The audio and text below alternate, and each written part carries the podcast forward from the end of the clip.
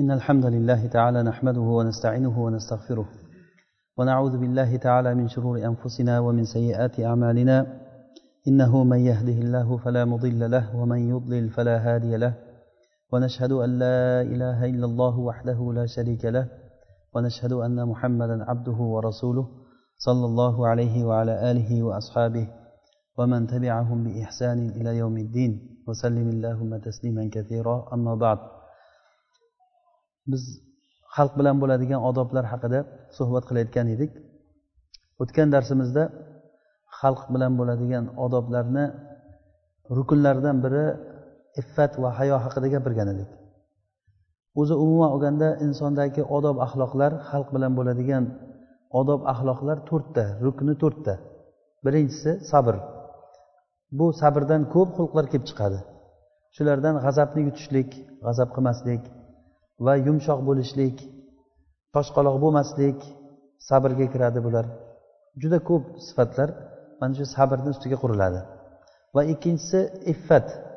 Bu iffatni asosiy amallaridan biri asosiy xulqlardan biri hayo deb shu hayo haqida gapirdik va undan keyingi uchinchi va to'rtinchi xulqlar shijoat va adl insonni adolatli bo'lishligi. Asosan insondagi xulqlar mana shu to'rtta xulqni ustiga quriladi.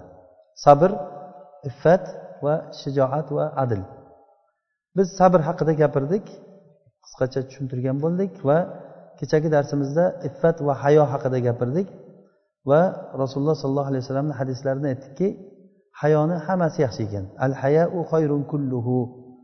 Yoki boshqa bir rivoyatda al hayau kulluhu xayr. Hayoni hammasi yaxshi ya'ni hayo qilgan odam hech qachon yutqizmagan. Ba'zi bir dunyoviy narsalardan mahrum bo'lib qolgan bo'lishligi mumkin lekin bu yutqizish emas bu hayoni hammasi yaxshi. Hayodan kelib chiqadigan mana shu iffatdan kelib chiqadigan sifatlardan biri sidiq. Bugungi suhbatimiz mana shu sidiq haqida. Sidiq bu to'g'ri gapirish deb biz tushunamiz sidiq deganda. O'zi asli sidiq kalimasini lug'aviy ma'nosi quvvat ma'nosidan kelib chiqqan. Arab tilida sodaqo kalimasi sodaqo uchta harf. Bu quvvat va to'g'rilik ma'nosini. Masalan arablar aytadiki to'g'ri nayzani rumhun sodiqun yoki sidiqun deb aytadi to'g'ri nayza degani. Sidiq mana shunday quvvat va to'g'rilikdan kelib chiqqan narsa bor bo'ladi. Tildagi sidiq bor va ishdagi sidiq bor va qalbdagi sidiq bor. Tildagi sidiq ya'ni to'g'ri gapirishlik bu voqega aytgan gapingizni to'g'ri kelishligi. Amaldagi sidiq bo'ladigan bo'lsa shariatga mos bo'lishligi o'sha amal insonni o'zini tilida aytayotgan narsasini amal tasdiqlab turishligi. Mana shu uchun bu narsa o'sha sidiq deyiladi. To'g'ri kelganligi uchun. Qalbdagi sidiq o'zi ma'lum bu. Inson ichidan o'zi qalbidan to'g'rilikni istaydi va mana shu ishni haq bo'lishligini istab qiladi. Mana shu odam sodiq deyiladi. Alloh subhanahu va taolo sodiq kishilarni rost gapiradigan kishilarni yaxshi ko'radi. Va buni o'zining kitobida bir qancha o'rinlarda sidiq haqida alloh taolo maqtadi sidiq ahlini maqtadi. Hattoki sodiq kishilar bilan birga bo'ylar deb buyurdi alloh taolo. Ya ayyuhallazina amanuttaqulloha va kunu ma'as sodiqin. Ey iymon keltirganlar ollohdan qo'rqinglar va sodiq kishilar bilan birga bo'linglar degan. Va o'zini eng suyukli bandalari bo'lgan payg'ambarlarni sidiq sifati bilan maqtagan vazkur fil kitabi ibrohim innahu kana siddiqon nabiyya. Ibrohimni eslang eslang kitobda. U siddiq kishi edi payg'ambar va siddiq payg'ambar edi. Siddiq deganligi ya'ni sidiqni mubolag'a ko'rinishi ya'ni nihoyat darajada to'g'ri gapiruvchi degani. Innahu kana siddiqon nabiyya. Yoki ismoil alayhissalomni vazkur fil kitabi ismoil innahu kana sodiqal va'di va kana rasulan nabiyya. Ismoil alayhissalomni kitobda alloh taolo zikr qilyaptiki ismoilni eslang kitobda u va'dasida sodiq kishi edi. Va kana rasulan nabiya va payg'ambar bo'lgan kishi edi. E, yoki idris alayhissalom haqida aytganda ham vazkur fil kitabi idris innahu kana siddiqon nabiya va rafa'nahu makanan aliyya. Xuddi shu sifatni idris alayhissalom haqida ham aytyapti alloh taolo. Idris siddiq payg'ambar edi. Demak alloh taolo o'zining eng suyumli kishilarini siddiq sifati bilan sodiq sifati bilan maqtab aytdi. Demak mana bu sidiq payg'ambarlarni xulqlaridan alloh subhanahu va taolo sidiq bo'lgan sodiq bo'lgan kishilar haqida qiyomat kunigacha tilovat qilinadigan oyatlar nozil qildi. Qiyomat kunigacha tilovat qilinadigan o'shalarni sodiq sifati bilan maqtab anas ibn nadir roziyallohu anhu bu kishi anas ibn molikni amakilari bo'ladi. Anas ibn nadir bu kishi rasululloh sollallohu alayhi vasallam bilan birga badrga qatnasholmay qolgan ekan. Badrga rasululloh chiqqanlarida bu kishi bexabar qolgan urushdan bexabar qolgan. Ya'ni bexabarligi rasululloh sollallohu alayhi vasallam bir vazifa bilan u kishini jo'natgan bo'lganlar. Chunki rasulullohni o'zi niyatlari urushish bo'lmagan badrda. Karvonni oldini to'sishlik uchun chiqqanlar lekin ollohni qadari bilan shu joyda kofirlar bilan urushishlik to'g'ri keldi. Buni hammamiz tarixini eshitganmiz. Allohni qadari bilan bu ish bo'ldi lekin anas ibn nadir roziyallohu anhu bu urushga qatnasha olmadi. O'ziga o'zi juda qattiq pushaymon bo'ldilar. Aytdilarki rasululloh bilan birinchi jihodda qatnasholmay qoldim. Endi bundan keyin agarda birorta bir jihod bo'layotgan bo'lsa olloh ko'radi meni nima qilishligimni deb va'da berdi bu kishi. Olloh meni nima qilishligimni ko'radi deb. Bir yildan keyin uhud g'azoti bo'ldi. Uhud g'azoti bo'lgan paytda birinchilardan bo'lib turib u kishi labbay deb chiqqan.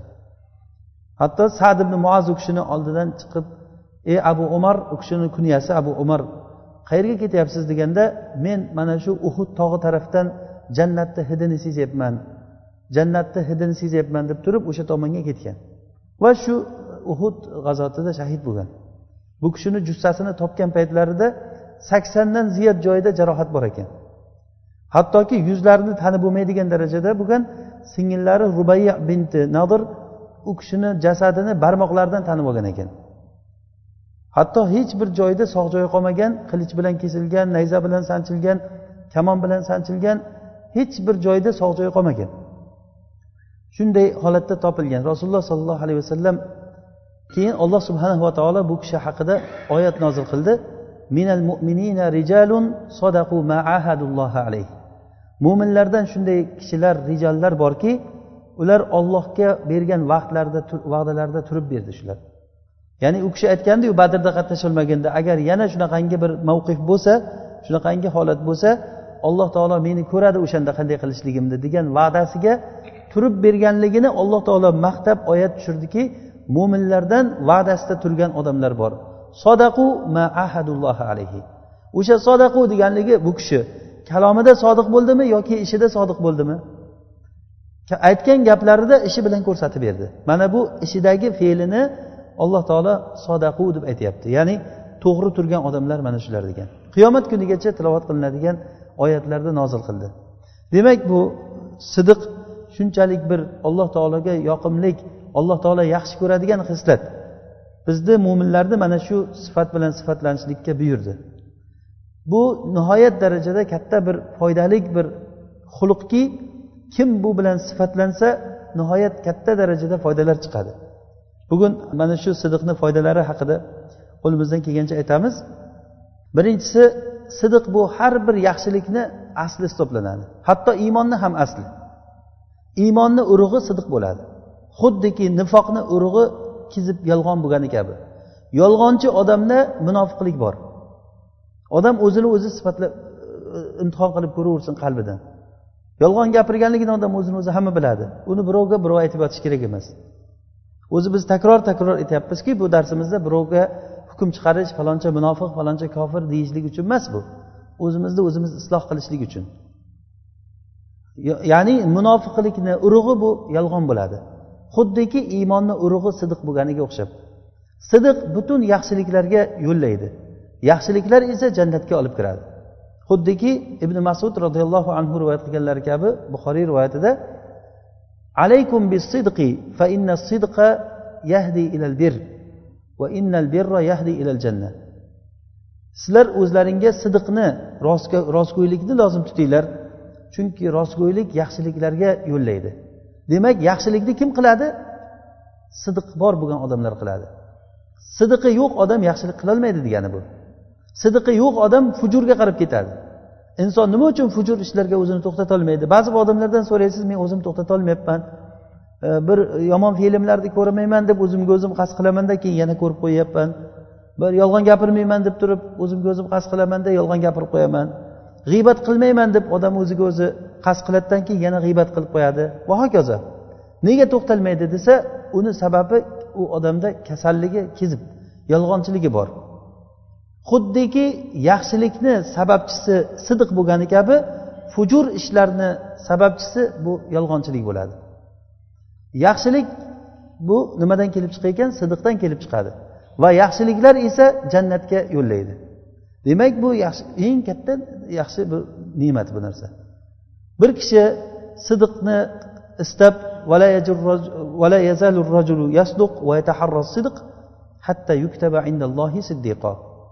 kishi sidiqni qasd qilib turib har gapida to'g'ri gapirishlikni qasd qilib shu to'g'ri bo'lishligini qasd qilib harakat qilaveradi harakat qilaveradi.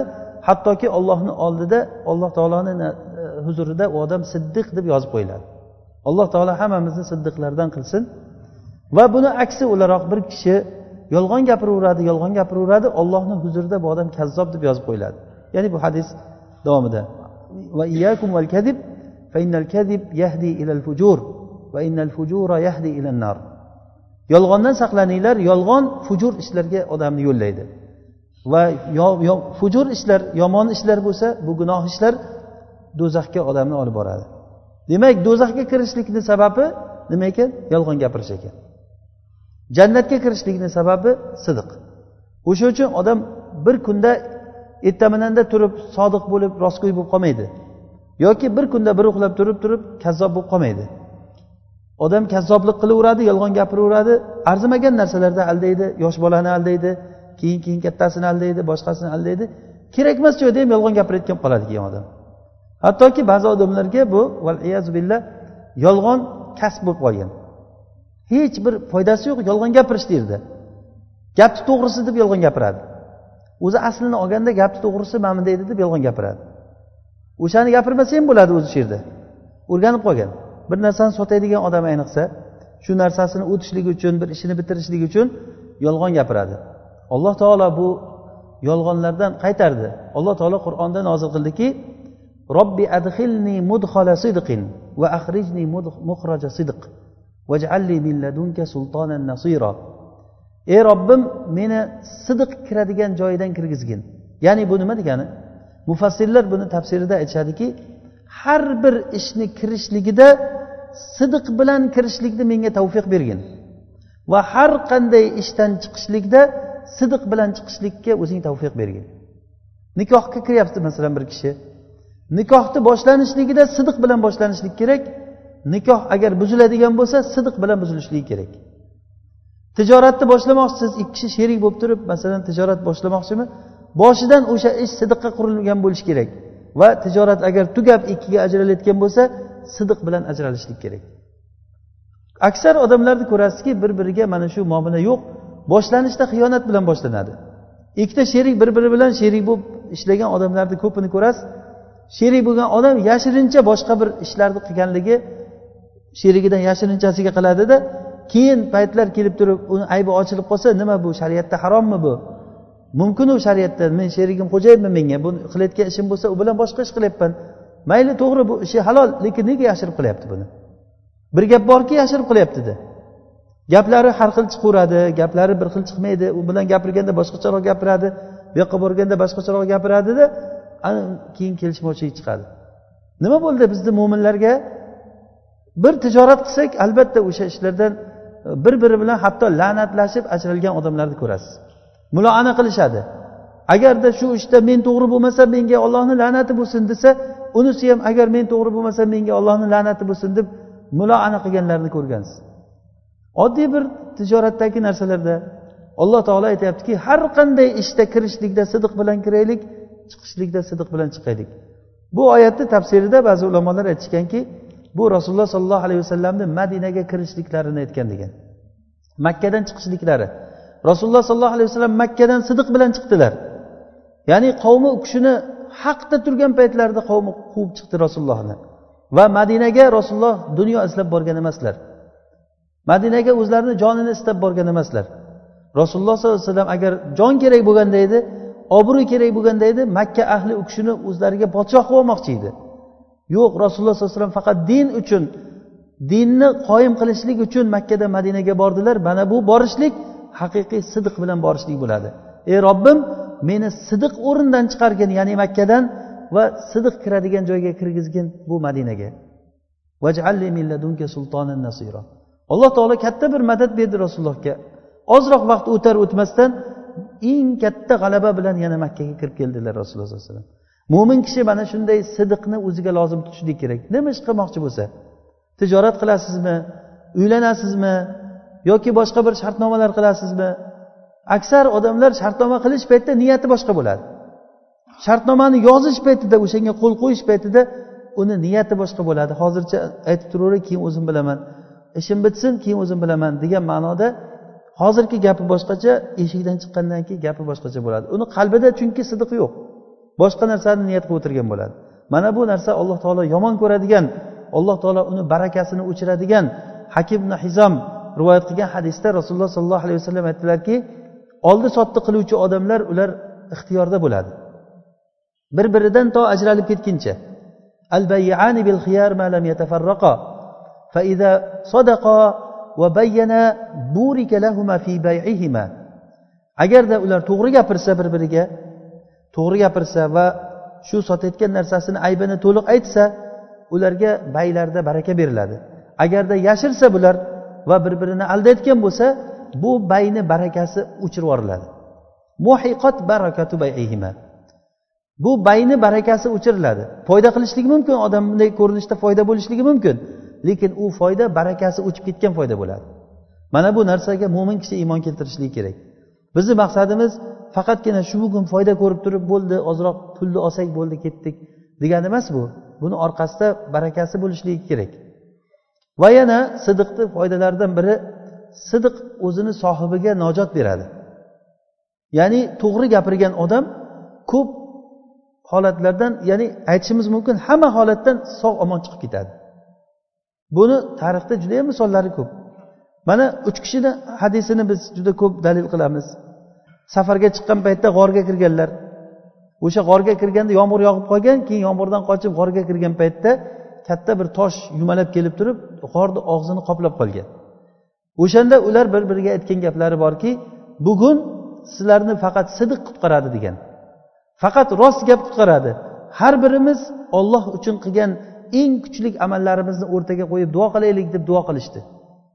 O'shanda duo qilgan paytlarida E, amallarini aytib uchalasi ham tosh ochilib turib ular e, bemalol chiqib ketishgan. Sidiq ularni o'sha joydan qutqargan. Solih kishilardan birini oldiga bir odam qochib kelgan ekan bir kishilardan. Qochib kelgan orqasidan odamlar quvib kelyapti ekan. Keyin iltimos meni qutqaring meni yashiring bir joyga deganda mana bu yerga yotgin degan yotgandan ustiga o'tinlar xashaklarni tashlab qo'ygan ekan. Haligi odamlar yugurib kelgandan keyin shu yerdan bir kishi qochib o'tmadimi deganda mana hashanglar tagida yotibdi degan ekan. Keyin haligilar buni ahmoq qilyapti deb o'ylab u yoqqa bu yoqqa qarab turib ketib yuborgan ekan. Haligi odam hashang tagida eshitib o'tirgan. Keyin chiqqandan keyin seni aqling bormi? Meni aytib qo'ydingku hashangni tagida deb deganda men shu to'g'risini aytganim seni qutqardi hozir degan ekan. To'g'risini aytganim uchun seni ular e, izlamasdan boshqa qarab ketdi degan. Yoki abdul qodir jiylaniy rohimaullohdan rivoyat qilinadi naql qilinadi bu hikoya. Bu kishi makkadan basraga qarab tolibi ilm bo'lib chiqqan paytlarida onasini vasiyati bo'lganki faqat o'zingga sidiqni lozim tutgin hech qachon yolg'on gapirmagin degan gaplari bilan chiqib qirq dinor pulni qo'liga ishlatishlik uchun qirq dinor pul olib yashirib qo'ygan ekan bir joyga. Ya'ni o'sha nimasi tuyasini yuklarini orasini bir joyga tiqib qo'ygan.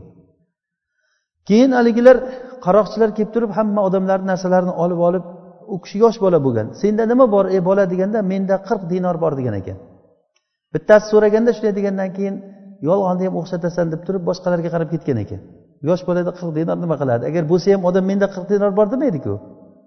Keyin yana boshqasi kelib turib qancha puling bor desa qirq dinorim bor. Qani desa igar tagida turibdi degan. Borib turib qarasalar haqiqatdan igar tagidan qirq dinor chiqqan. Keyin raisini oldiga olib borib turib mana bu bola jinni ekan bu.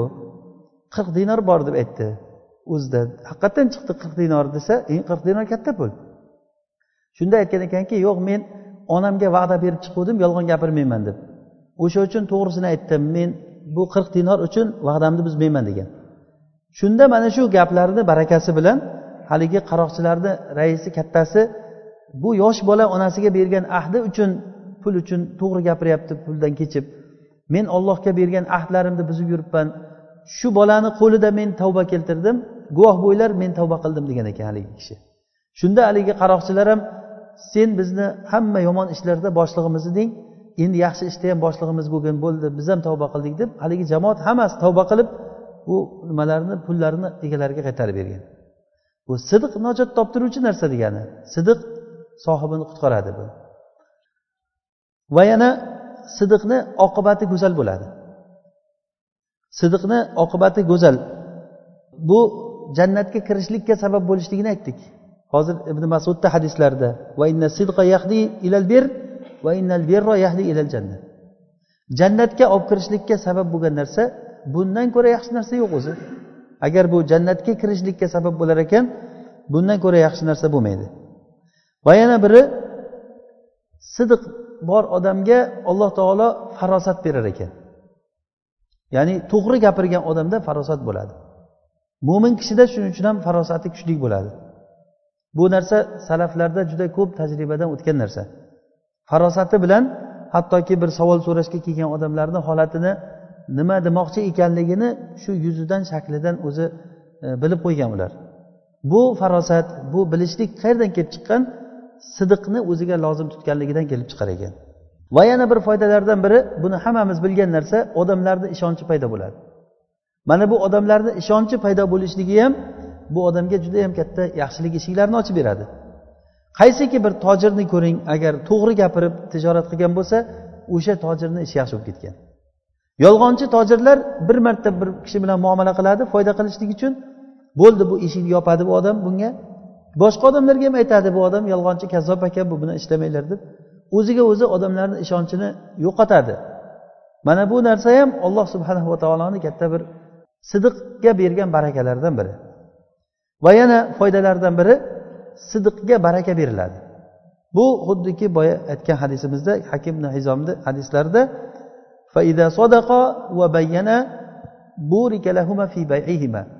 agar ular to'g'ri gapirsa bayon qilsa bir narsani sotuvchi odam sotayotgan narsasini bayon qilsa qanaqa ekanligini aksar odamlar sotayotgan narsasini bayon qilmaydi gapni aylantiradi.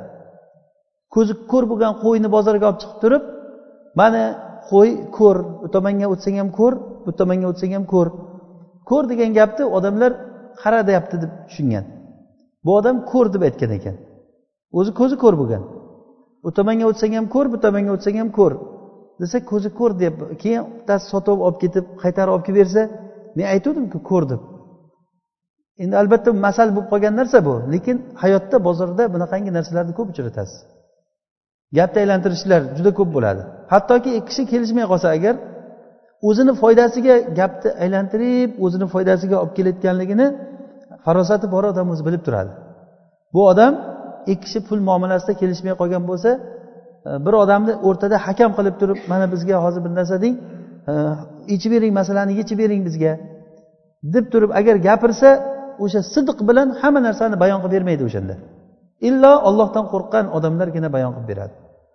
Ollohdan qo'rqmagan odamlar bo'layotgan bo'lsa aksar holatlarda o'sha gapini o'zini foydasiga qarab to'g'irlab gapiradi. Va yana sidiqni foydalaridan dunyoyu oxiratni maslahatlarini foydalarini olib keladi alloh taolo qur'onda aytadiki هذا يوم ينفع الصادقين صدقهم لهم جنات تجري من تحتها الأنهار ya'ni mana bu kunda sodiq kishilarga ularni sidiqi foyda beradigan kun demak bu ham sidiqni katta bir foydalaridan qiyomat kunida jannatga kirishlikka sabab bo'lsa bu jannatni masalan dunyoga qiyoslab ko'rsak agar jannatni jannatni dunyo dunyoga qiyoslab ko'riladigan bo'lsa dunyodagi hamma narsani yig'ishtirib kelganda ham jannatdagi bitta xamchini o'rniga to'g'ri kelmas ekan. Jannatda bitta xamchini o'rniga to'g'ri kelmaydi dunyo va undagi hamma narsalar. Rasululloh sollallohu alayhi vasallam aytdilarki dunyo va undagi hamma narsalar malun dedilar. Ad dunya mal'unatun mal'unatun va ma fiha. Dunyo va undagi narsalarni hammasi mal'un deganlar. Illo alloh taolo uchun xizmat qilgan narsalar bundan mustasno. Demak bu dunyo foydalanish dunyosi bu maqsad qilib yaratmadi alloh taolo buni. O'sha uchun ham dunyo insonni ko'ziga uzoqdan chiroyli ko'rinadigan qilib yaratilingan. Ad dunya hulvatun qodira rasululloh aytdilarki dunyo uzoqdan qaraganda yam yashil ko'rinishi chiroyli va mazasi shirin. Ad dunya hulvatun qodira mazasi shirin va uzoqdan qaraganda yaxshi ko'rinadigan qilib yaratilingan lekin oldiga borsangiz uni dunyoni xuddiki bir ko'kalamzorda bir dam olishlik uchun chiqsangiz adirlarda yam yashil bo'lib turib gullar butun chiroyli ko'rinadi. Lekin o'shada borib o'tirishlik uchun borsangiz o'tiradigan joyga qarasangiz tagida qurt qumursqalar bo'ladi har xil narsalar bo'ladi. Nariroq joy yana chiroyliroq ko'rinadi ko'zingizga u yerga borsangiz bu yoq chiroyli ko'rinadi. Dunyo xuddi shunday. Qaysi joyda o'tirmang o'sha joyda odam rohatsizlikni sezadi. Soyada o'tirsangiz ham issiqda o'tirsangiz ham. Suv suvni istaydi odam suvga borsa suvdan qochishlikni istaydi. O'rmon joylar ko'zingizga chiroyli ko'rinadi o'rmonga borsangiz boshqa yerga borgisi keladi. Mana shunday. O'sha uchun ham masalan shaharni o'rtalarida ba'zi bir oshxonalarni qurib qo'yganligini ko'rasiz xuddiki o'rmondagi shaklni qilgan. O'rmondagi shaklni haligi e, eski yog'ochlardan qilgan boshqa bo'lgan qimmat bo'lgan oshxonalar xuddiki o'zicha eski bir e, joyni e, tasvirlab bermoqchi bo'lgan. Qancha xarajat qilingan o'sha narsalar? Lekin alloh taoloni yaratgan narsalarga qarang hada xalqulloh ollohni yaratgan narsalarni ko'ring. Ollohdan o'zgalar nimani yaratdi? Ular nima qildi? Qisqasi bu dunyo bir mato foydalaniladigan narsa. Lekin oxirat jannat hayoti haqiqiy hayot. Va inna darol axirata lahiyal hayavan oxirat hayoti haqiqiy hayot bu. Oxiratdagi yashash haqiqiy yashash bo'ladi. Alloh taolo hammamizni shu jannatlarda nasib qilsin. Demak mana shu jannatga kirishlikni sababchi bo'ladigan ishlarni eng asosiysi bu sidiq bo'ladi. Eng asosiysi sidiq bo'ladi. Va yana bu sidiq husnul xotima bo'lishlikka sabab bo'ladi. Husnul xotima degani yaxshilik bilan umrni tugashligiga buni buni dalillari shaddad ibn avs bu rivoyat qilgan hadisda e, shaddad ibn had roziyallohu anhu nasoiy rivoyat qilgan hadisda arablardan bir yigit kelib turib rasulullohga iymon keltirdi va bayat qildi. Bayat qildi va keyin u kishi o'zini qavmini e, qo'ylarini yo tuyalarini boqib yurgan paytda rasulullohga g'animatlar keldi. Rasululloh sollallohu alayhi vasallam shu g'animatlarni taqsimladilar. G'animatlarni taqsimlaganlarida haligi yigitga ham ajratib berdi. Shunda uni qavmi u yigitga olib borib berib haligi g'animatni berganda bu kishi bu nima edi bu? deganda bu senga g'animatlardan rasululloh sollallohu alayhi vasallam berib yubordi. Dedilar keyin u rasulullohni oldiga kelib turib ey rasululloh menga nima berdingiz? dedi. Bu g'animat bu bu seni haqing bu deganlarida ey rasululloh men bu uchun iymon keltirmadim. Men o'q mana shu yerimga sanchilishlik uchun iymon keltirdim degan. Shunda rasululloh sollallohu alayhi vasallam aytdilarki in tasduqillaha yasduqka. Agar olloh uchun sen haqdan aytayotgan bo'lsang bu gapni alloh taolo sen uchun bu gapingni rostga chiqarib beradi deganlar. Shundan keyin bir jihodga kirgan paytda o'sha kishi topilmay qolgan. Keyin bir joydan u kishini mayit holatda o'liklarini rasulullohni oldiga olib kelganda rasululloh ahuva huva dedilar. Bu o'shami? dedilar. Ha o'sha yigit shu deganlarida rasululloh sallallohu alayhi vasallam o'zlarini ustlaridagi kiyimlari bilan kafanlagan ekanlar kafanlab turib keyin duo qildilar ey ollohim mana shu bandang o'zingni yo'lingda hijrat qilib o'zingni yo'lingda jihod qilib chiqqan edi. Men mana shunga guvohman deb duo qildilar. Men shunga guvohman deb duo qildilar. Mana bu sidiqni yaxshi oqibat bilan tugashligini katta bir dalili. Alloh taolo hammamizni xotimamizni yaxshilik bilan tugatsin. Alloh taolo bizga foydali ilm bersin. O'rgangan ilmlarimizdan alloh taolo foydalantirsin. سبحانك اللهم وبحمدك نشهد أن لا إله إلا أنت نستغفرك ونتوب إليك.